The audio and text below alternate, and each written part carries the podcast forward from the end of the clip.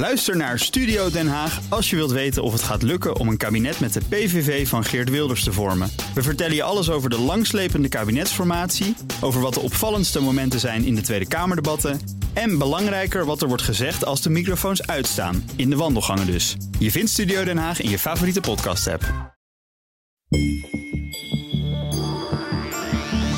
China gaf afgelopen jaar ruim 160 miljard euro uit aan het leger. En dat wordt elk jaar meer. Het komt niet eens in de buurt van wat Amerika eraan uitgeeft, want die zitten daar nog een factor 4 boven. En toch maken de Amerikanen zich al wel een beetje zorgen. De vraag is daarom, hoe machtig is het Chinese leger? Ga ik over praten met Jeroen Franke. Tot 2016 was hij defensieattaché in Beijing. En Elmar Hallendoorn, onderzoeker en verbonden aan de Harvard Kennedy School. Ik ben Mark Beekhuis en deze podcast wordt mogelijk gemaakt door het Leiden Asia Center. Laat ik bij jou beginnen, uh, Jeroen. Want jij was in 2012, in 2012 ging je naar uh, Peking, Beijing, om daar uh, te zien hoe het, hoe het leger functioneert. Hoe ligt het erbij? Het Chinese leger ligt er uitstekend bij. Uh, die zijn enorm aan de weg aan het timmeren om inderdaad uiteindelijk Amerika in te halen. Ze hebben een heel arsenaal van raketten, inclusief nucleaire raketten. zij hebben een leger wat oorspronkelijk de leiding had over de PLA, de People Liberation Army. en dat omvatte alles. Dus niet alleen het leger zoals, of de landstrijdkrachten zoals wij een army identificeren. maar ze zijn enorm de luchtmacht en marine aan het ontwikkelen. En begeven zich nu ook in de ruimte met hun strijdkrachten. En als ze dat, dat ontwikkelen? Zij hebben in 2013 um, een uh, vliegkampschip in de vaart gebracht, hun eerste. En zij krijgen van niemand hulp om zo'n vliegkampschip uh, aan het werk te krijgen. Laten ze je dan toe als je dan zegt: Ik wil weten hoe jullie vliegdekschip eruit ziet? Dat laatste niet. um, maar dat, ze laten je wel toe om rond te lopen. de rol van de defensieattaché is voor militaire diplomatie. En dat gebeurt ook met China. Bijvoorbeeld bij anti-piraterijoperaties uh, bij de oostkust van Afrika. En in Mali, waar we een uh, kamp delen met de Chinezen. Daar trekken we nu al samen met ze op. Nou, je bent nou. gedwongen met, me met elkaar samenwerken te, te werken omdat je in hetzelfde kamp bivakkeert. Ja. In China werden mijn bewegingen enorm gevolgd. Mm -hmm. maar tegelijkertijd deed China enorm zijn best om de militaire attachés uh, informatie te geven. En wel die informatie die ze met je wilden delen. Wat wil China dat wij van ze weten? Uh, nou, hoe goed ze zijn. Oké, okay. dat het begin van de afschrikkende werking van hun hele knappe leger. Bijvoorbeeld. Ja.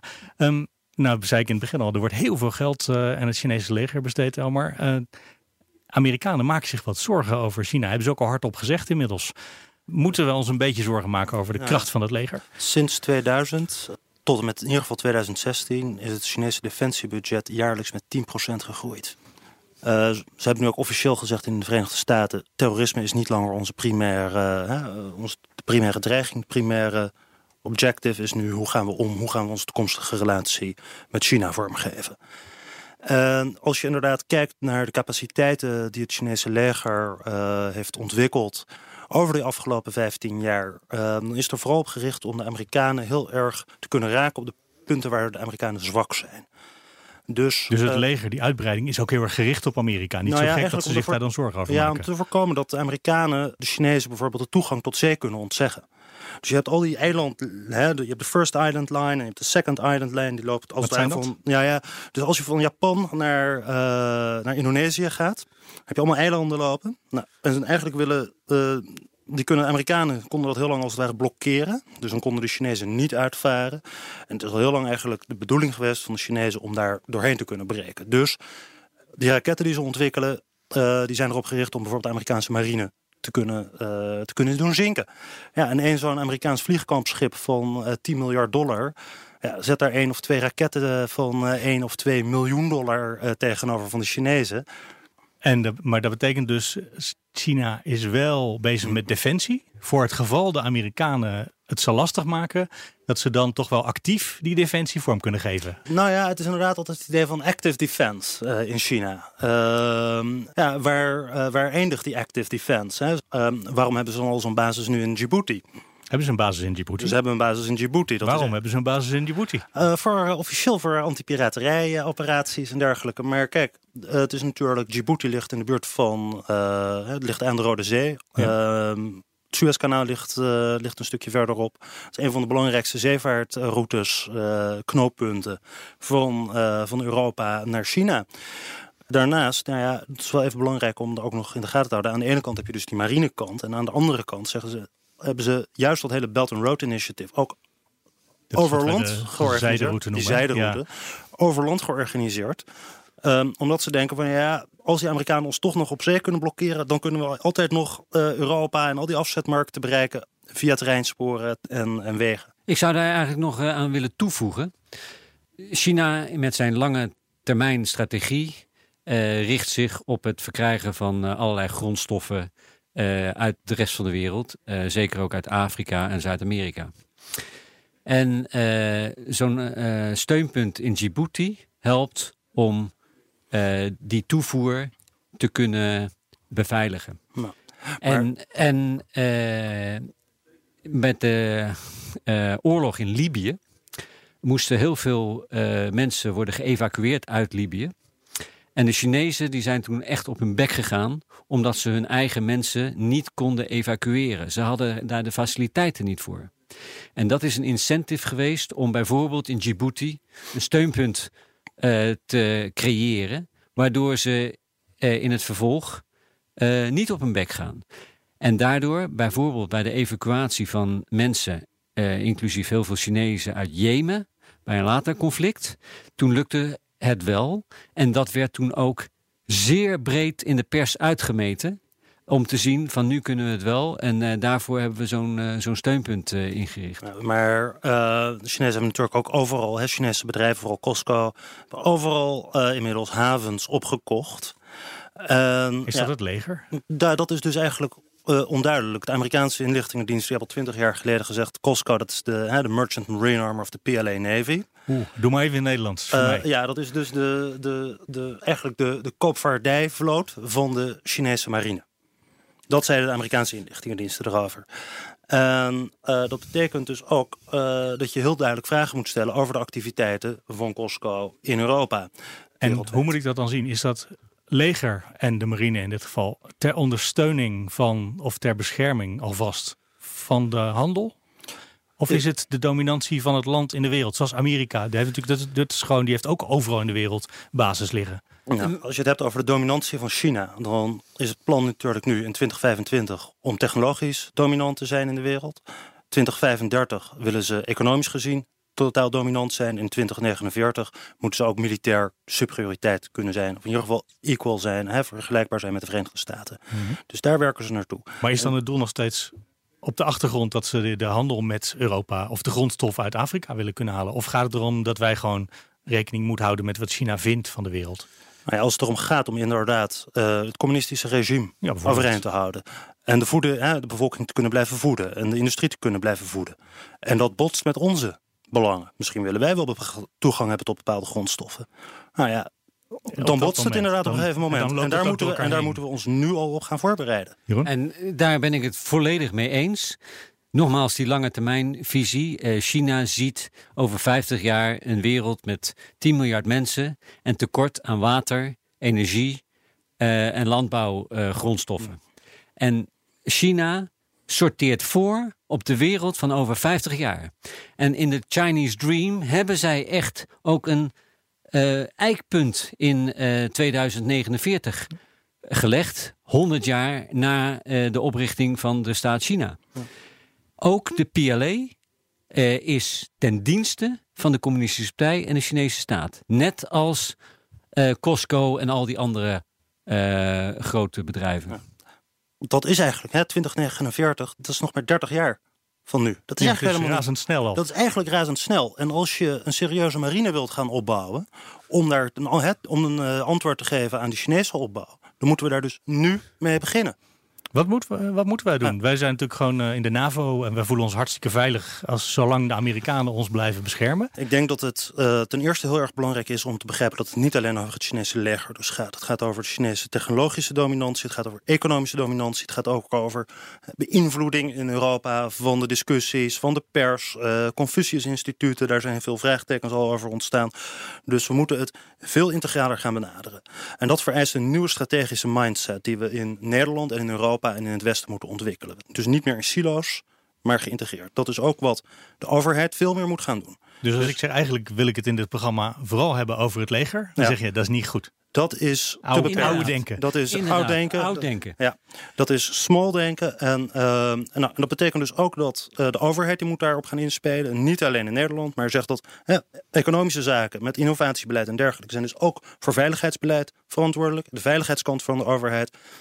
Defensie, een deel van buitenlandse zaken, is ook heel erg relevant voor innovatiepolitiek en, uh, en, en, economische ontwikkeling. Weten ze dat bij die ministeries? Nou, ik, jij, bent een ambtenaar geweest natuurlijk, misschien nog steeds wel in zekere zin. Of ja, ik, uh, militairen vinden het vervelend om als ambtenaar uitgemaakt te worden. Maar, maar dat, dan loop je niet in een uniform rond, toch? Ja, ik liep wel in uniform, okay. eigenlijk altijd. Maar weten ze dan bij het ministerie van Defensie dat ze eigenlijk dus ook iets met de economie, dat ze daar over gaan in Nederland? Nou, bij Defensie weten ze dat heel goed. Uh, maar ik denk dat, dat het politieke uh, denken nog niet zo ver is. En de Chinezen die hebben zich goed verdiept in hoe wij in het eh, Westen opereren en denken. En die handelen daarna en die gebruiken die kennis ook. Maar wij. Hoe gebruiken ze dat? Uh, nou, een voorbeeld is bijvoorbeeld uh, diepzeeonderzoek. Is goed geregeld bij de VN. Is heel kostbaar. Maar als je dat maar lang genoeg doet, dan krijg je ook rechten. En China doet dat dus lang genoeg. En op alle gebieden die er mogelijk zijn binnen het VN-verdrag. En hebben nu zulke grote rechten verworven. En dat hebben wij gewoon laten gebeuren. Uh, om, en wat voor rechten zijn dat? Mijnbouw. Uh, en diepzeeonderzoek. En dan heb je dus uh, diepzeeonderzoek in gebieden waar ook allerlei sensitieve kabels lopen. Uh, en die bekijken ze dan tegelijkertijd ook. Dat zouden wij ook doen, denk ik. Dat denk ik ook. Ja. En dat is mijn pleidooi ook. Wij moeten ons veel meer verdiepen in de Chinese cultuur en hun denken. Uh, gebaseerd op richtlijnen van Confucius en Sun Tzu, hun grote strateeg. Mm -hmm. Want die van, richt. Van 500 jaar geleden, toch? Uh, nee, van 2500 jaar geleden. geleden. ik dacht in ieder geval van lang geleden, ja. Uh, maar trouwens, in onze, in onze hogere defensie management cursussen komt Sun Tzu ook uh, te sprake. maar die gaat uit van een geïntegreerde approach, waarin het leger een ondersteunende functie speelt. En waarin je als leger ook gebruik moet maken van alle andere velden. Ja. Na de derde crisis rondom Korea in het midden van de jaren negentig zagen de Chinezen ineens van ja, we kunnen die Amerikanen misschien nooit één op één matchen militair gezien. Maar dan moeten we de zwaktes in hun financiële markten aanvallen. Of we moeten inderdaad cybercapaciteiten gaan ontwikkelen. Al die punten waar we, en dat noemden ze unrestricted warfare. En dan is er echt nog een ander punt. Waar de Chinezen, voor de Chinezen is het heel duidelijk wat hun centrale nationale belangen zijn. Enerzijds natuurlijk het overeind houden van de communistische partij. Maar aan de andere kant ook het herstellen van China als wereldmacht. En uh, ja, het, het, het uitwissen eigenlijk van de eeuw van, van vernedering. Aan de andere kant, wat zijn onze nationale belangen? En hoe maken we op basis daarvan beleid?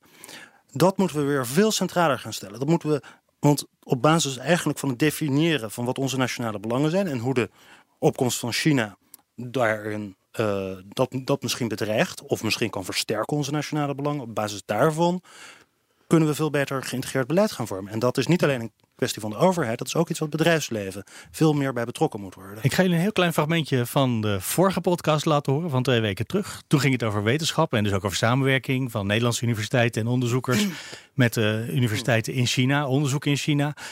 Daar hadden wij Rob Vastenau van de TU Delft. Als het in het economisch domein is, hè, civiel, civiel ja, economisch, economisch of militair, dan, uh, dan, uh, dan zijn we daar niet zo terughoudend. Hè. Maar als er militaire uh, dimensie aan zit, hè, dan worden we in Delft in ieder geval veel terughoudend. En hij vond ons tot nu toe wat te naïef. Als ik jullie nu hoor, dan is dit toch ook nog een beetje naïef. Dan moeten we dus ook met de economie altijd nadenken of we wel samen willen werken. Ik ben het volledig met jouw stellingname eens. wij moeten uh, integraal niet zo naïef zijn. En ook economisch uh, moeten we niet naïef zijn. Sun Tzu, een van de principes, is dat je informatie moet uh, uh, verkrijgen. En dat mag met spionnen, mag op alle mogelijke manieren. Wij vinden dat vals spelen, maar de Chinezen vinden dat normaal. Maar was hij ook de man die zei: als je een strijd kan winnen zonder het leger, is dat eigenlijk wel beter? Zo'n soort uh, ja, ja. wijsheid. Ja, dat is het ook. Uh, dat is het Zonder ook. bloed vergieten. Gebruik de strategie van je tegenstander tegen de tegenstander eigenlijk. Hè? Dus, oh, dat maakt heel Aziatisch, ja. Ja, um, maar er is natuurlijk ook eigenlijk, als je kijkt naar hoe de Chinese industrie zich heeft ontwikkeld en de Chinese technologie. Vanaf late jaren 70, toen Deng Xiaoping de echte industrialisatie van China begon. Toen was, vanaf dat moment was het idee, we moeten die industrie ten dienste stellen ook van het militaire apparaat en van de militaire ontwikkeling. En dat is altijd zo geweest. Dat 1978 begon dat. Uh, in 1986 uh, werd het nog weer versterkt. Dus ook alle programma's die je nu ziet, over quantum computing, over supercomputers, nanotechnologie, op al die terreinen waarvan wij denken, oh, dat zijn gewoon interessante technologische ontwikkelingen, wetenschappelijke ontwikkelingen. Leuke bedrijven. Leuke bedrijven, mooie start-ups, skill-ups en dergelijke in China. Die moeten ook eigenlijk sinds uh, het laatste partijcongres, uh, in het kader van zogenaamde civil military fusion, zoals dat in China wordt genoemd, worden ze gedwongen hun technologie uh, te delen met, uh, met het militaire apparaat. Dus dat, dat kan klinkt betekenen, eigenlijk heel Amerikaans. Het uh, militair, wat was het ook alweer? Het uh, industrieel, militair, militair complex. Ja, ja, het is eigenlijk heel erg interessant ehm, dat we een maand geleden zei het Pentagon, we gaan twee keer zoveel nu investeren in kunstmatige intelligentie om de artificial intelligence race met China te proberen te winnen. Ehm, en dat is dus niet alleen, deze discussie gaat dus niet alleen maar over keiharde geopolitiek. Het gaat ook over onze toekomst van innovatie en technologie. Dat wordt gedreven door die superpower competition. Maar als jij, want daar toch even, elke keer denk ik, het lijkt een beetje wat, wat de Amerikanen doen. De Amerikanen hebben ook overal die basis. De Amerikanen hebben een militair, militair-industrieel complex. En ze noemen het dan in China China Military and Civil Fusion. Dus de, ja. de fusie van die twee werelden. En jij zei net al, Jeroen, dat is iets heel anders, hoe wat zij doen. Maar het voelt toch een beetje vergelijkbaar. Toch het Westen eh, heeft de beeldvorming dat wij koloniseren, dat wij eh, naar buiten toe gebieden willen veroveren. Of in ieder geval invloed willen hebben lokaal. China doet dat anders. Er uh, in het groter worden van China betekent het eigenlijk in de Chinese begrippen dat zij weer het centrum van de wereld worden, waar de hele wereld de kotau naartoe maakt. Dus respect en ontzag uh, tentoonspreidt. Uh, maar dat wilden wij toch ook altijd? Ja, maar wij, in onze koloniale tijd? Ja, maar in onze koloniale tijd gingen wij naar buiten toe. China hoeft niet naar buiten. Die willen alleen de grondstoffen van buiten naar China krijgen. Ah, er waren, wij waren ook heel gelukkig met alle grondstoffen uit de nou, kolonie. Dus, eh, er zijn een heleboel parallellen. Maar toch, de, de framing is, uh, is anders. De manier van denken is anders. En ik maak me dus niet zo zorgen over China die de wereld gaat veroveren militair. Maar wel die zijn belangen veilig stelt met gebruik van militaire middelen. Je had het net eigenlijk al, Elmar, over bedrijven. En dat dat misschien ook een beetje door elkaar heen loopt. Uh, of het voor het, voor het leger of voor zichzelf of voor de overheid als geheel aan het werk is. Als wij het hebben over in defensieindustrie, is, een, is de Chinese defensieindustrie vergelijkbaar met wat wij erbij denken? Of betekent het iets anders als je het in China zegt? Nou ja, als wij uh, kijken naar Baidu, Alibaba, Tencent, grote bedrijven die inmiddels ook... Webwinkels en chatservices, denk ik dan. Ja, inderdaad. Maar die ontwikkelen dus ook uh, algoritmes voor spelletjes uh, die kunnen gebruikt worden uh, in een aansturingssysteem voor een vliegtuig. Of uh, de lenzen in je Huawei-telefoon, die kunnen ook voor, voor een raket gebruikt worden.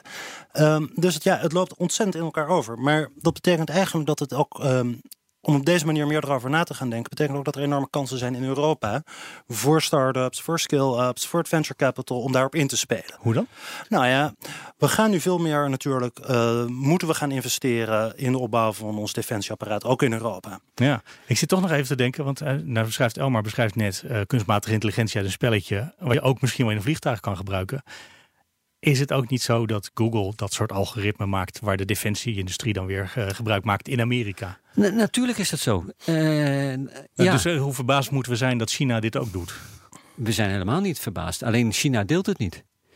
Een heleboel van nou, GP, GPS. oh, ja. GPS is gewoon nu gedeeld Maar uh, dat heeft ook lang geduurd natuurlijk. Dat was ook heel lang uh, Ja, tuurlijk. militair en daarna veel nauwkeuriger nou ja, voor het leger. Daar ben ik wel een beetje. Kijk, China, op een bepaalde manier willen ze natuurlijk hun technologie wel eh, delen op een manier dat wij er ook van gebruik gaan maken. Eh, er zijn ook vragen in de Kamer volgens mij geweest over het vragen: hè, moeten we in Europa WeChat eigenlijk wel toestaan? Eh, dat dat eigenlijk de variant op, eh, op eh, Facebook en, eh, en WhatsApp. En daarvan zegt men van ja, dat willen we eigenlijk toch niet. Want komen al onze data, die komen dan in, in China terecht in de cloud. En eh, ja, inderdaad, bijvoorbeeld Amazon is, eh, die voorziet het Pentagon eh, van, van de cloud. Maar ook een heleboel van onze data worden wellicht in, worden ook in China opgeslagen. Dus als het bijvoorbeeld gaat over passport services en je vingers die gescand worden. Dat soort informatie komt ook uit China. Of tenminste, de, de, de technologie komt voor een deel uit China. En, de, en het wordt opgeslagen in China. Nou ja, dus ook de strijd eigenlijk die er gaande is over om, om data. Daarin loopt China een stuk ook weer voorop als we daar niet. eh, en ook daar moeten we op ik wil nog heel even terug naar het leger, waar uiteindelijk de uitzending over gaat. En ik snap wel dat jullie zeggen dat het breder is, omdat al die dingen samen bij elkaar komen. Omdat de Chinezen dat zo goed bij elkaar gepland hebben. Ehm, maar ja, God, het gaat vandaag toch over het Chinese leger uiteindelijk. Ja. Jij beschreef net al, Jeroen, wat ze ongeveer eh, aan hoe- in grote lijnen hoe dat leger eruit ziet. Eh, aan wat voor soort missies doen zij op het ogenblik mee? En wat voor, wat voor soort dingen gebruiken ze dan? Is het, wij denken aan drones bij de Amerikanen. Doen zij dat ook? Sterker nog, China loopt denk ik wel voorop eh, op eh, in het gebied van eh, Ja, gebruik van, instemmend. van drones. China doet allerlei missies in, in Afrika, waaronder in Mali. en, Er zijn VN-missies waarschijnlijk. VN-missies. Ze zijn, ik heb de getallen niet nagekeken, maar een van de grootste bijdragers aan eh, de VN. eh, zowel qua geld als in missies. Er zijn een paar landen zoals India en Pakistan die eh, dat ook, maar dat is eigenlijk een onderlinge competitie. Mhm. Kortom, zij dan- doen dat, maar zij, zijn, zij hebben een heel erg duidelijk beleid dat zij willen ervan leren. Nou, dat En- wou ik precies vragen. Want dan, dan gaan wij samen daar een project doen. Dat zei ik in Mali, daar lopen wij. En in het kamp verderop zitten de Chinezen.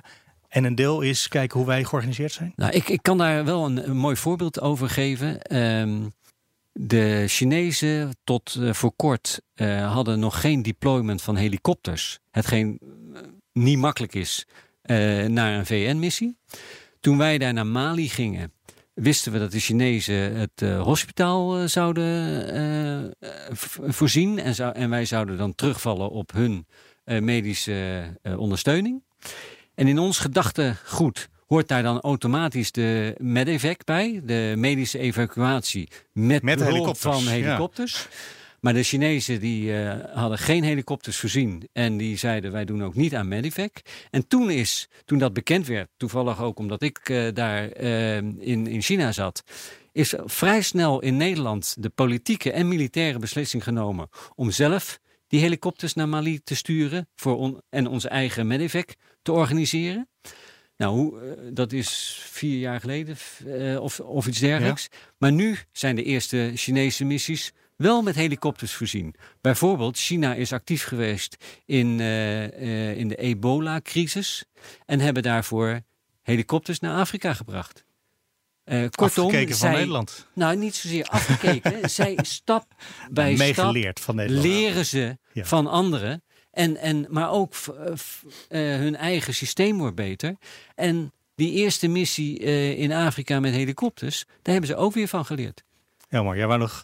Ja, nou ja, er is nog Ja. ook een, een andere component aan de Chinese militaire aanwezigheid eh, wereldwijd. En dat zie je veel minder goed, want dan gaat het over private military companies, oftewel de moderne huurlingen. Dus je hebt steeds meer Chinese beveiligingsbedrijven die langs de hele zijderoute opereren om die infrastructuurprojecten te beschermen. Nou ja, en dat zijn natuurlijk vaak voormalige militairen, eh, maar ook daar om inlichtingen weer te verzamelen.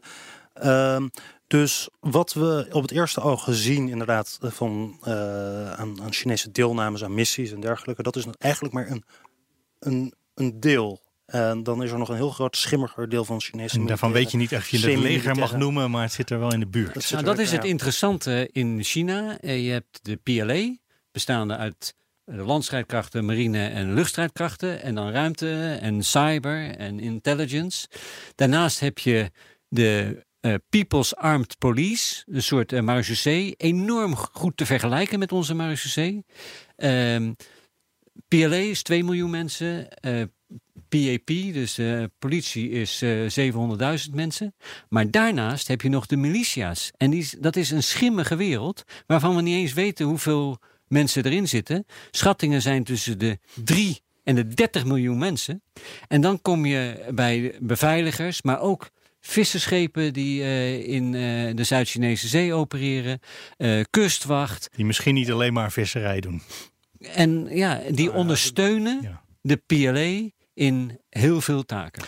Aan het eind van deze podcast, want daar komen we namelijk in de buurt nu, um, herhaal ik altijd de vraag van het begin. Om nog even te kijken of we die in één zin kunnen beantwoorden. En dat is altijd moeilijk, maar we gaan het toch weer proberen. Zou ik bij jou beginnen, Elmar? Want de vraag was: hoe machtig is het Chinese leger? In één zin, hè? Dat hangt er vanaf hoe goed wij erop voorbereid zijn. Op dit Dus moment? macht is altijd relatief. En op dit moment uh, denk ik dat ze heel goed in staat zijn om in hun eigen regio, uh, in ieder geval de Amerikanen, toegang te ontzeggen tot verschillende zeeën al. Ja. Oké, okay, dat is echt wel beter, beter georganiseerd dan tien jaar geleden. Oh, dat gaat heel hard. Ja, ja Jeroen? Ja, ik uh, onderschrijf dat. De ontwikkeling van de Chinese strijdkrachten moeten we niet te laag inschatten. is fenomenaal. En een punt wat nog niet aan de, waar we het nog niet over hebben Grijp gehad, je kans. is de schaal van China. Daar zijn wij totaal niet op voorbereid. Uh, maar 2 miljoen mensen in de PLA is enorm groot. Uh, maar is niet eens zoveel groter per capita. Nou ja, het is niet alleen de, de grootte, maar het is ook de kwaliteit waar ze enorm in vooruit gaan. Uh, unarmed uh, of uh, un, unmanned vehicles, de drones, de robotica. Waar wij zeggen we willen het niet autonoom hebben of daar hebben we heel veel twijfels over. Daar hebben de Chinezen totaal geen twijfels. Ze zeggen we willen eigenlijk inkrimpen qua manschappen en veel meer nog automatiseren. Ja, dus daar ik- staan we tegenover zo meteen. Dan had ik die vraag veel simpeler kunnen beantwoorden. Hoe machtig is het Chinese leger? Best wel machtig. Eh, Daar moeten we serieus rekening mee houden. Daar moeten we heel goed naar kijken. Ja. We komen aan het eind van vandaag in de China-podcast. Dank aan mijn gasten, Jeroen Franke en als laatste hoorde je Elmar Hellendoorn. China-podcast wordt mede mogelijk gemaakt door onze sponsor, het Leiden Asia Center. Alle afleveringen zijn natuurlijk terug te luisteren via bnr.nl slash China-podcast. De BNR-app, iTunes, Spotify, waar jij ook maar je podcast vandaan haalt. Wil je reageren? Dan kan je e-mailen naar podcast.bnr.nl. Tot over twee weken.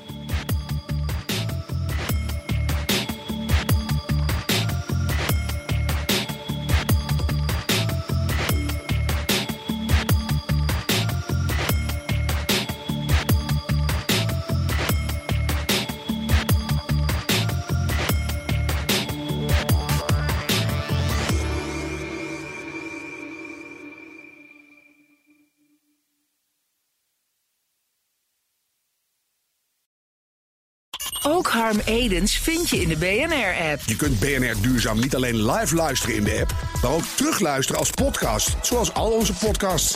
En naast dat de BNR-app Breaking News meldt, houden we je ook op de hoogte van het laatste zakelijke nieuws. Download nu de gratis BNR-app en blijf scherp.